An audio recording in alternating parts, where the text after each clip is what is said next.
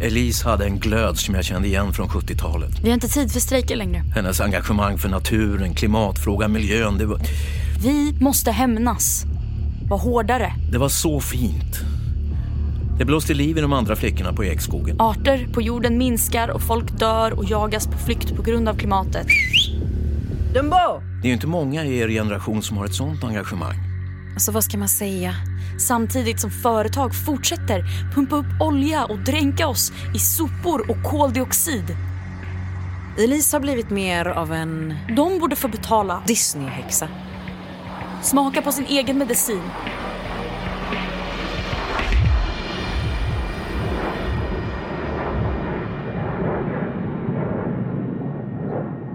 Du lyssnar på Tystad.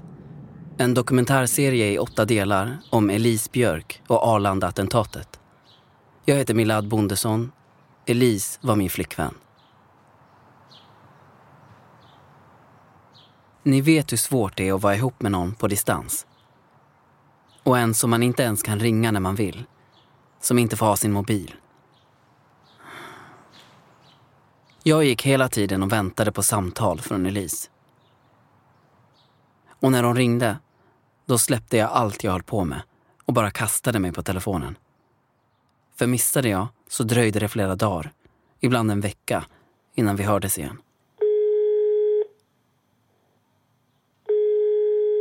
De fick ringa från Ekskogen, men bara på vissa tider. Men så fort det hänt något, som då när Elise och Sanna bråkat om kanelbullarna och typ slagits, då togs mobiler och alla såna förmåner bort. Då slöt sig hemmet som ett fängelse. Tills att personalen tyckte att det var lugnt. Då, när jag som allra mest behövde veta att Elise var okej.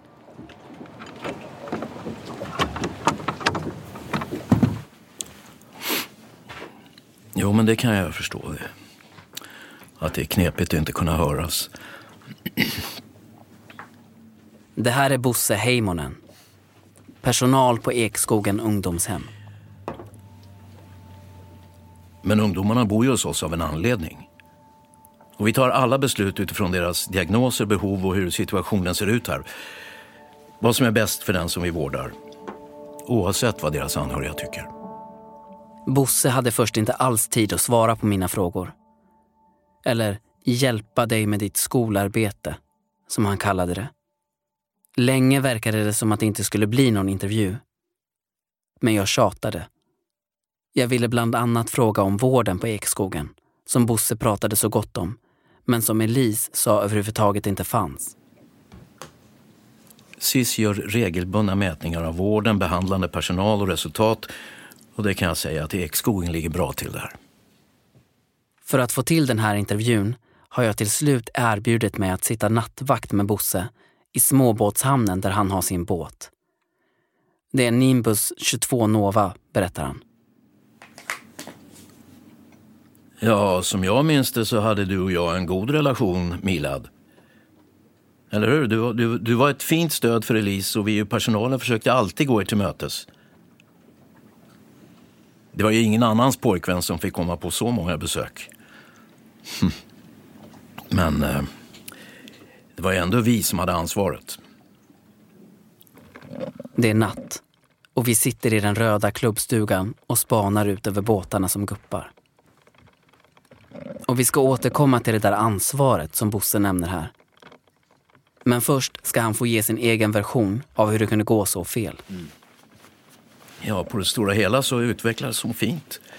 Hon spred god stämning bland de andra ungdomarna, tyckte vi då i alla fall.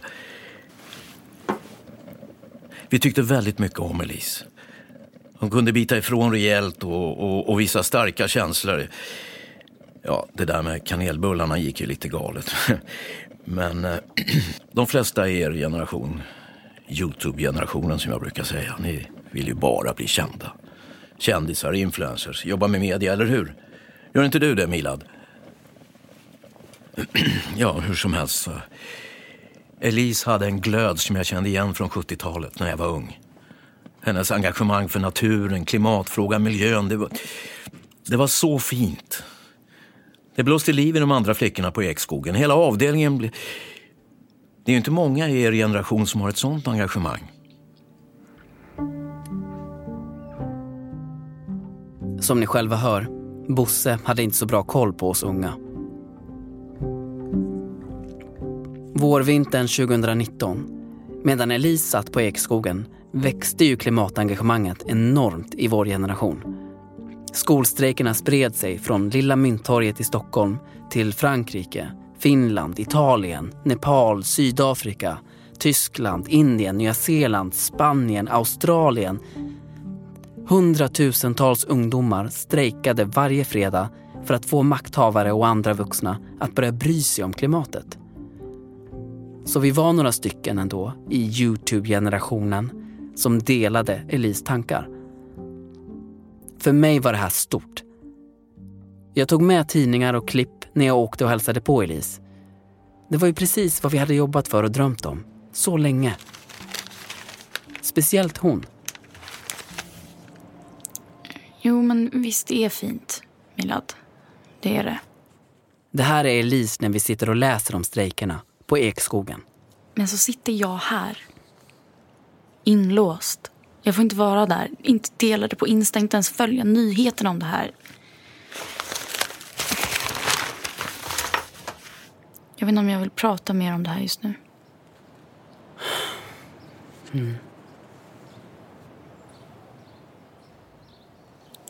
Du, förlåt. Det är påsk och vi sitter ute i solen på gården. Tidningarna är fulla av den växande miljöaktivismen i världen. Men Elise är bara negativ. Men vad leder det till? Det finns ju ändå ingen som lyssnar på unga människor. Men skämtar du? Vad är det här då? Eller vad ska vi annars göra? Alla bra förändringar i världen genom hela historien, det har ju börjat med några som strejkar. Det finns inget mäktigare. Nähä. Som Brexit. Eller USA när barn ville stoppa skolskjutningarna. Hände det någonting för att ungdomarna strejkade? Fick de igenom bättre vapenlagar? Nej. Vuxna tycker vi är gulliga när vi bryr oss. Men vi har ingen makt på riktigt. Okej, fine. Vi pratar om något annat istället. Elise var 100 procent, jorden går under, det finns ingen räddning, allt är skit. Och jag som tänkte... Jag trodde att hon skulle kännas närmare mig. När hennes föräldrar inte fick komma och hälsa på längre och hon var hatad av Sanna och alla andra som bodde på hemmet. Men det var tvärtom.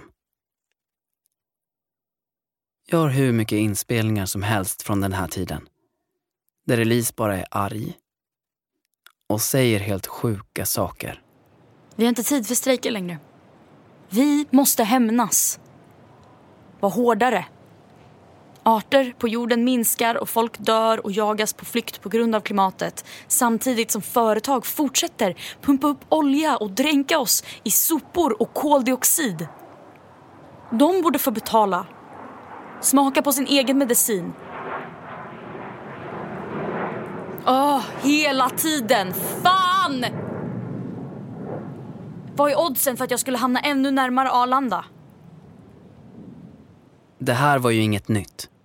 Elise var förbannad på folk som flög och på att politiker inte begränsade det. Och det hade hon varit i all evighet. De är mördare och ska straffas. Det är det enda som kommer stoppa dem. Det som var nytt var hur Elise pratade om det. Som att hon hade en ny skärpa. Och att vi bråkade om klimatet. Det hade vi inte gjort förut. Vi brukade tycka samma. Och jag var så trött på bråk. Så nästa gång jag hälsade på försökte jag prata om annat. Okej, men vad gör ni i skolan då? Och är maten okej nu? Och tröjan, fin tröja. Är den ny? Dö. Hallå, jag är inlåst här. Jag kan inte köpa några nya kläder. Nej, Men förlåt då. Det blev inte bättre av det. Men brukar du stå på Mynttorget då? Om du tycker det är så mäktigt med strejk.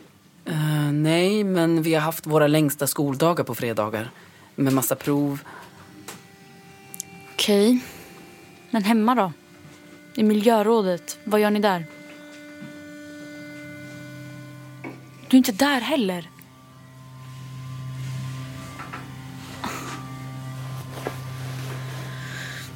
Så jävla ego du har blivit. Men alltså... Den här vintern har varit skitseg för mig också. Med skolan, alla läxor, träningen, jobbet och så det här. Med dig. Jag har inte orkat. Nej, men sluta. Vad är det? Nej, inget. Vadå, jag ser ju att... Ja, men jag tycker bara att det är konstigt. Ja, vadå? Ja, men att du hinner alla dina journalistmediegrejer, Du hinner lasta en miljard väskor på fucking flygplan. Men du hinner inte göra någonting för miljön som du säger att du är så himla glad att det går framåt för. Jag fattade inte vad hon höll på med. Jag hade inte hela bilden. Jag vet bara att jag blev arg. För att jag försökte och försökte och att det ändå bara blev bråk. Och för att Elise klagade och tyckte att jag gjorde för lite. Och en annan grej som hände under samma besök. Elise och jag hade hängt en stund och blivit fikasugna. Så vi stod i köket och gjorde en bricka. Och så kom Sanna Karlsson förbi. Och sist jag hade hört något om henne var hon den 100% skitjobbiga tjejen som mulat Elise med icke-veganska kanelbullar. Men så kramades de. Sanna och Elise. Och när hon gått vidare var Elise, som precis bråkat och varit skitsur mot mig, plötsligt glad. Du frågade ju om tröjan förut. Det var jag. Jag tyckte vi skulle ha klädbyte på fria timmen här. Och de andra gillade idén så vi sorterade ut grejer och bytte med varandra. Så den här var Sannas innan. Jag blev sårad. Arg. Avundsjuk kanske. Och sen, på en idrottslektion i skolan några dagar senare, fick jag ett sms från Elise. du, skrev hon. Det är slut. Det här går inte längre. Elise hade alltså fått ha mobilen en stund och smsat det där till mig istället för att ringa. Det var så... Det var väldigt sjukt konstigt av henne. Jag hade inga missade samtal.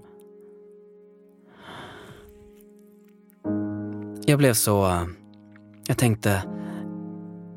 Jag minns att jag läste smset flera gånger utan att fatta. Jag tänkte att det var dålig timing och skämta sådär med mig just då. Eller att någon snott hennes mobil och skickat smset för att jävlas med oss. Eller att det var ett missförstånd. Eller att hon kanske, kanske var arg på mig av någon anledning. Men att vi skulle reda ut det. Självklart. Vi hade ju varit ihop i flera år. Vi skulle aldrig göra slut. Så jag ringde Bosse och bad att få komma på ett akutbesök. Och sjukanmälde mig och drog från skolan.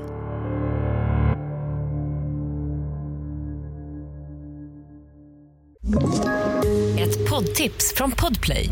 I fallen jag aldrig glömmer djupdyker Hasse Aro i arbetet bakom några av Sveriges mest uppseendeväckande brottsutredningar går vi in med hemlig telefonavlyssning och, och då upplever vi att vi får en total förändring av hans beteende. Vad är det som händer nu? Vem är det som läcker? Och så säger han att jag är kriminell, jag har varit kriminell i hela mitt liv men att mörda ett barn, där går min gräns. Nya säsongen av Fallen jag aldrig glömmer på Podplay.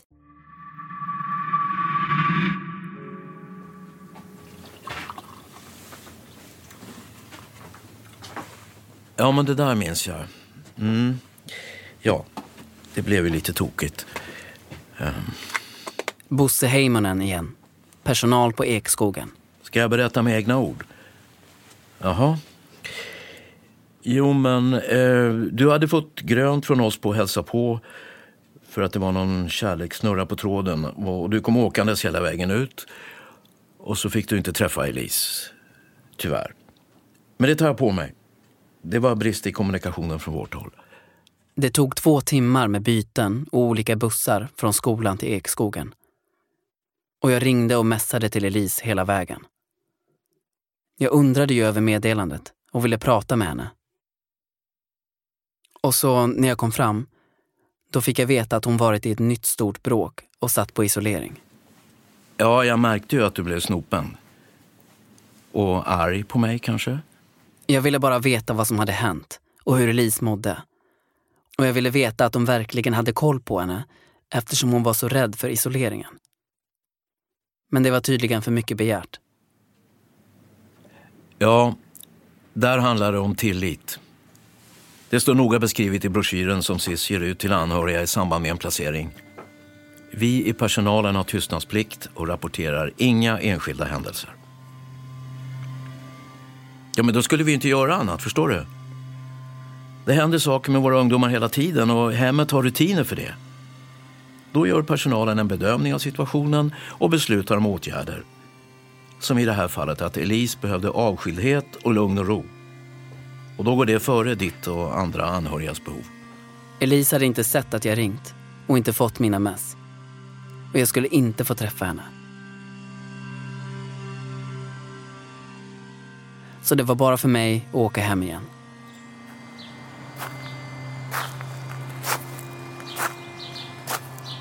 Hej! Hallå? Dumbo! Hallå, vad är det med dig? För titta på mig, titta på mig. Åh, vad hänt? Hänger öronen på elefanten idag? Vad har hänt? Har du fått ebola eller? Är du sjuk? Har Disneyprinsessan dumpat dig? Sanna Karlsson igen. Oh, shit, har hon? Seriöst? Är det slut mellan er? Nej. Jag fattade inte var den frågan kom ifrån. Bara för att jag var ledsen. Hade Elise pratat med de andra på Ekskogen om att göra slut med mig? Oh Men- my god. Så Dumbo, vet du? Du är en riktigt så... Vad tänkte hon med där? Röven eller? Vilken idiot hon är. Det här var alltså Sannas sätt att säga jag beklagar och du som är så fin. Alltså jag vet ju att hon är sur på dig och på sina föräldrar. Alltså hon tycker typ att ni har svikit henne och bara dumpat henne här. Och att du skiter i miljön. Du, vänta. Har du en cigg? Eller vänta, kan jag, bara, kan jag bara springa och hämta? Jag bara springer. Har du tid? Vadå svikit? Vadå skiter i miljön? Här fick jag för första gången en känsla av att Elise kanske ändå hade menat allvar med sitt sms. Att hon faktiskt hade gjort slut med mig. Det var så knäppt. Jag fick nästan panik. Och samtidigt översköljdes jag av en massa mer konstig info av den här babbliga människan. Okej, Okej, håll den här. Fan då! Mm. Så där. Äh. Hon klarar isolering. Hon är ju stentuff. Det var skit. Men jag ville ju veta. Jag hade ingen annan att prata med. Alltså vad ska man säga? Elise har blivit mer av en Disney-häxa. Som idag, på geografin. Det var Elise som började. Alltså vi bara hakar på. Och börja skrika, kasta stolar på Leffe. Alltså det var sjukt. Jag frågade Sanna vad som hade hänt och varför Elise var på isolering. Alltså hon bara pratar om naturen. Klimatet på alla lektioner. Matten, svenskan, NOn, engelskan. Bara, bara för att rätas med lärarna. Och det funkar! Alltså det funkar! Woo! Elise for president! Alltså hon är, så, hon är så jävla cool. Och sjukt smart här uppe. Hon bara mörsar lärarna, bara så här, kör rätt över dem. Så var det något så här om havsströmmar som Elise sa att det, så här, det, det hade börjat vända på något sätt för att polerna smälter. Jag vet inte och jag bryr mig inte. Men då blev Leffe skitarg och kallade Elise för en så här olyckskorp och började googla massa saker för att överbevisa henne. Fast sen visade det sig att Elise hade rätt. Så hon kan så sjukt mycket grejer. Och så i måndags när vi höll på med så här, vad heter det, ekonomi, bla bla bla. någonting, nej, men du vet så här, varor, tjänster, obetalt arbete och massa sån skit och så här, och Leffe bara, nej men eh, det, var, det var sånt som folk gjorde i sina egna hem typ. Och då, du vet, inte bara folk, skrek Elise då. Bina då, som flyger med pollen. Vad då får de betalt för det? Eller nej, inte en jävla krona får de betalt. Fast vi säljer, vi säljer honungen som de producerar. Och de får ingenting för det. Och så fiskarna då? De som så här, producerar nya fiskar, nya fiskar, nya fiskar hela tiden.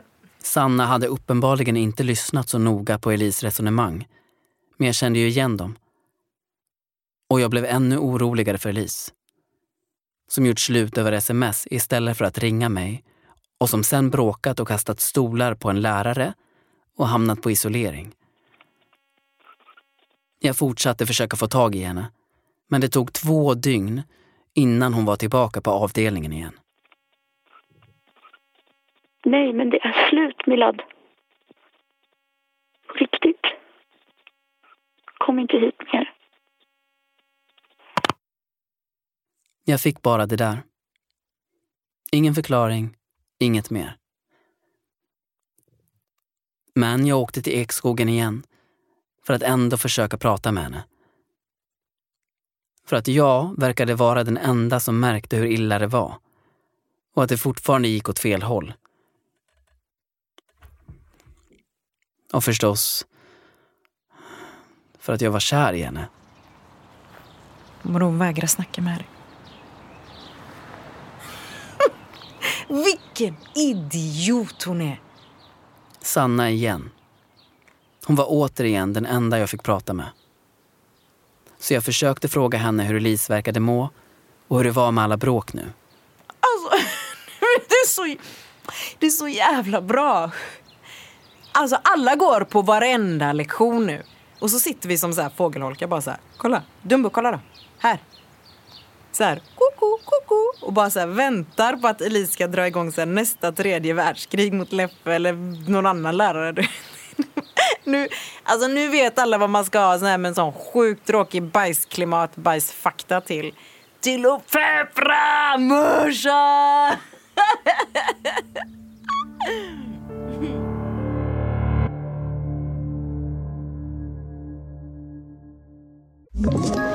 Ett poddtips från Podplay. I fallen jag aldrig glömmer djupdyker Hasse Aro i arbetet bakom några av Sveriges mest uppseendeväckande brottsutredningar går vi in med hemlig telefonavlyssning och, och då upplever vi att vi får en total förändring av hans beteende. Vad är det som händer nu? Vem är det som läcker? Och så säger han att jag är kriminell, jag har varit kriminell i hela mitt liv men att mörda ett barn, där går min gräns. Nya säsongen av Fallen jag aldrig glömmer på Podplay. Jag blev inte så mycket lugnare av det där samtalet.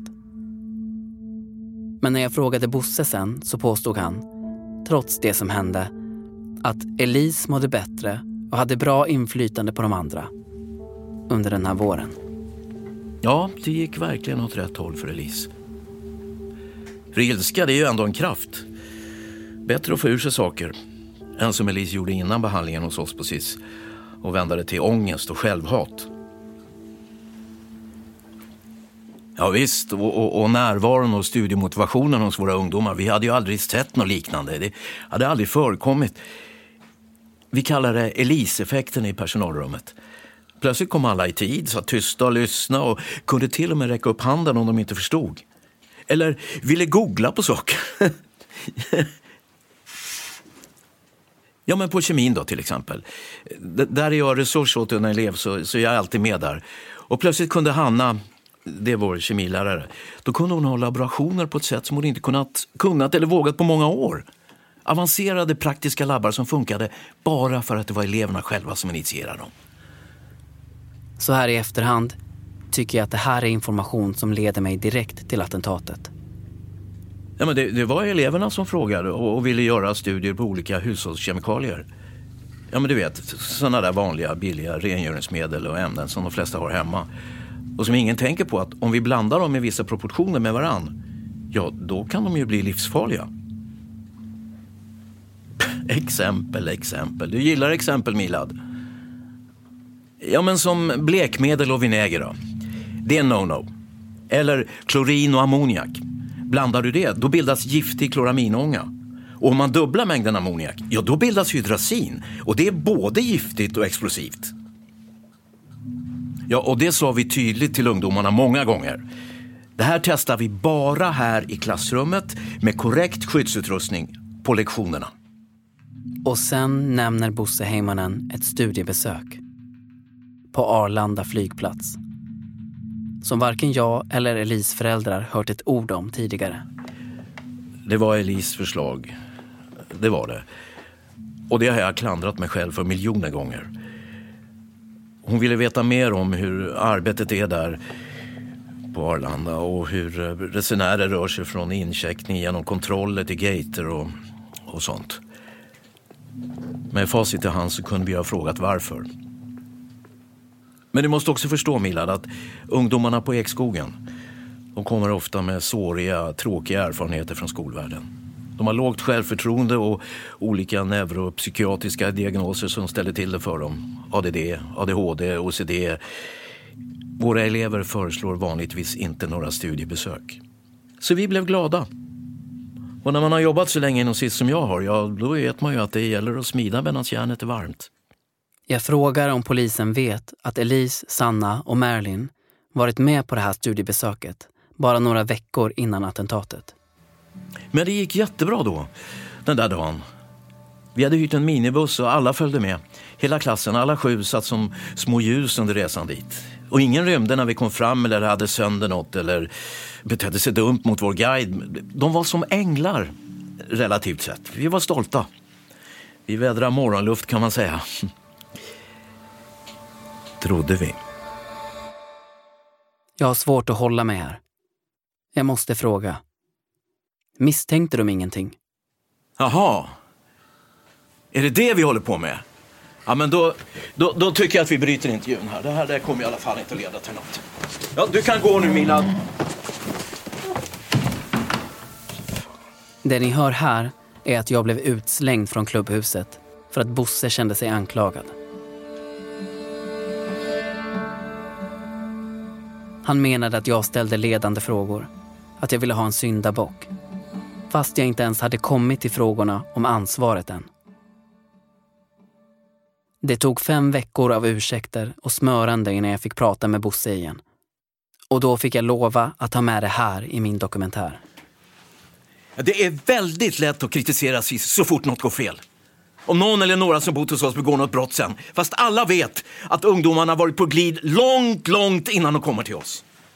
Vi behöver mer resurser och politikerna behöver, behöver göra om, de behöver göra rätt från början med bostäder, barnomsorg, skola, punktinsatser till utsatta familjer, familjehem.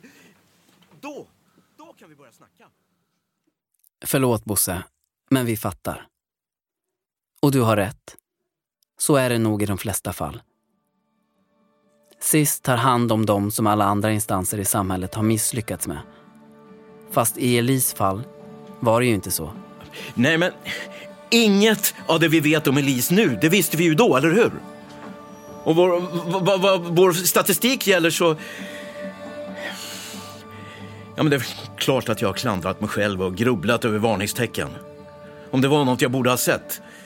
Men diskussioner i klassrummet, det älskar lärare. När elever känner engagemang, vill veta, tar reda på ny fakta. Till och med överbevisar dem ibland. Och så ingen skolk på det.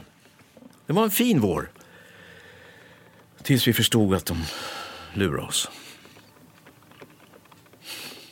Vi sitter i klubbhuset igen när jag ber Bosse berätta med egna ord om morgonen den 3 maj 2019.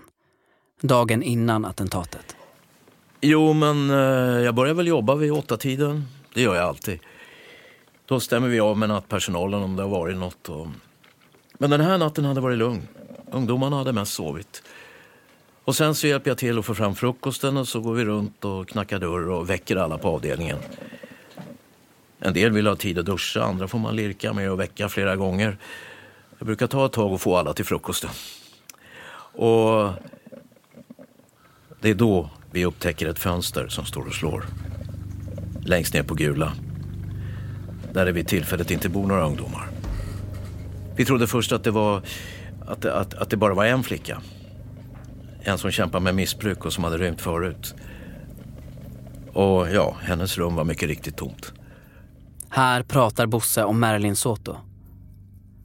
Det var tack vare henne som trion kunde ta sig ut från den låsta avdelningen. Ja, efter det så delar vi upp oss. Så att några personal letar igenom rummen och närområdet medan jag och Anna-Lena äter gröt och mackor med ungdomarna i köket. Vi har flera som får väldig ångest om det sker något oplanerat och utanför rutinerna. Då kan flera dagars verksamhet bli helt förstörd.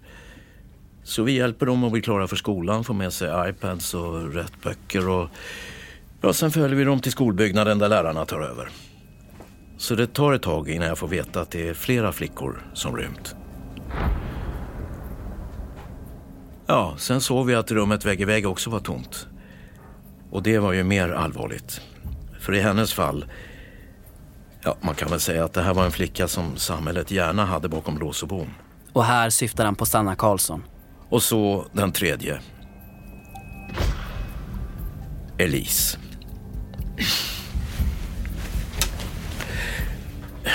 Det var ju inte bra, givetvis.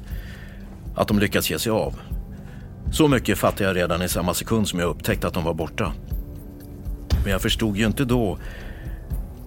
Nej, men då jag... Jag kände mig lurad. Vi. Vi tyckte allihop att det gick bra för Elise. Att vi hade en bra dialog, att vi, vi gick henne till mötes i hennes olika önskemål. Med dina besök, kosten, studiebesöket. Och då visste vi ju ingenting om vart de var på väg. Och när man har jobbat så länge som jag och det ändå visar sig att ens intuition, att man blivit så blåst av en ungdom. Ja, det är svårt att inte ta det personligt. Men nej! Aldrig i vår vildaste fantasi hade vi kunnat föreställa oss vad de hade för plan. Vart de var på väg. Elise, Marilyn och Sanna rymmer från Ekskogen den 3 maj, dagen innan allt händer. Bosse Heimonen följer hemmets rutiner och gör en polisanmälan. Men han säger ingenting om tjejernas plötsliga intresse för kemi eller om studiebesöket.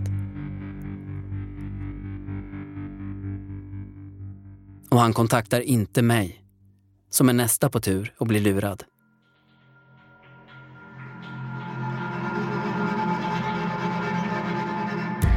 Jag satt på en obekväm jävla trästol i ett förhörsrum. Skicka allt ni har, det är kaos här! När kopplade jag? Det kan alltså röra sig om ett terrordåd.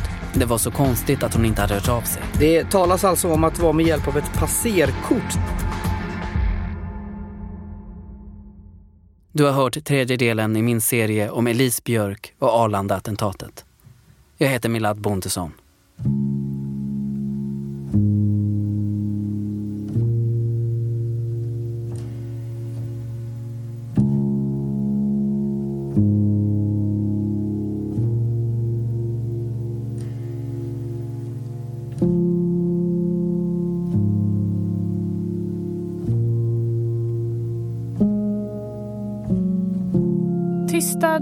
Serie från tiden. Manus Åsa Anderbergs Trollo och Lisa Bjärbo.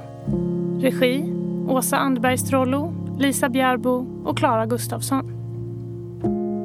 I rollen som Milad hörde du Kristoffer Lehmann, Elise, Mira Mitchell, Karin, Cecilia Nilsson, Sanna, Siam Shurafa och Bosse, Thomas Nordström.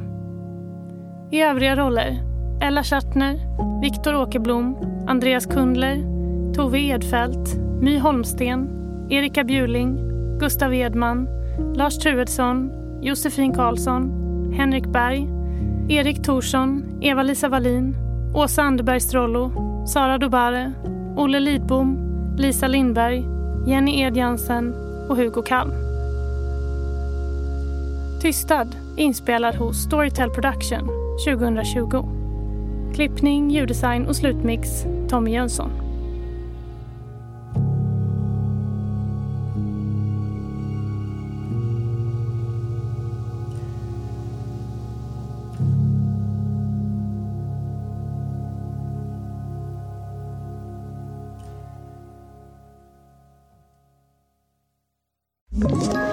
Ett poddtips från Podplay. I fallen jag aldrig glömmer djupdyker Hasse Aro i arbetet bakom några av Sveriges mest uppseendeväckande brottsutredningar. Går vi in med hemlig telefonavlyssning och, och då upplever vi att vi får en total förändring av hans beteende. Vad är det som händer nu? Vem är det som läcker? Och så säger han att jag är kriminell, jag har varit kriminell i hela mitt liv men att mörda ett barn, där går min gräns. Nya säsongen av Fallen jag aldrig glömmer på Podplay.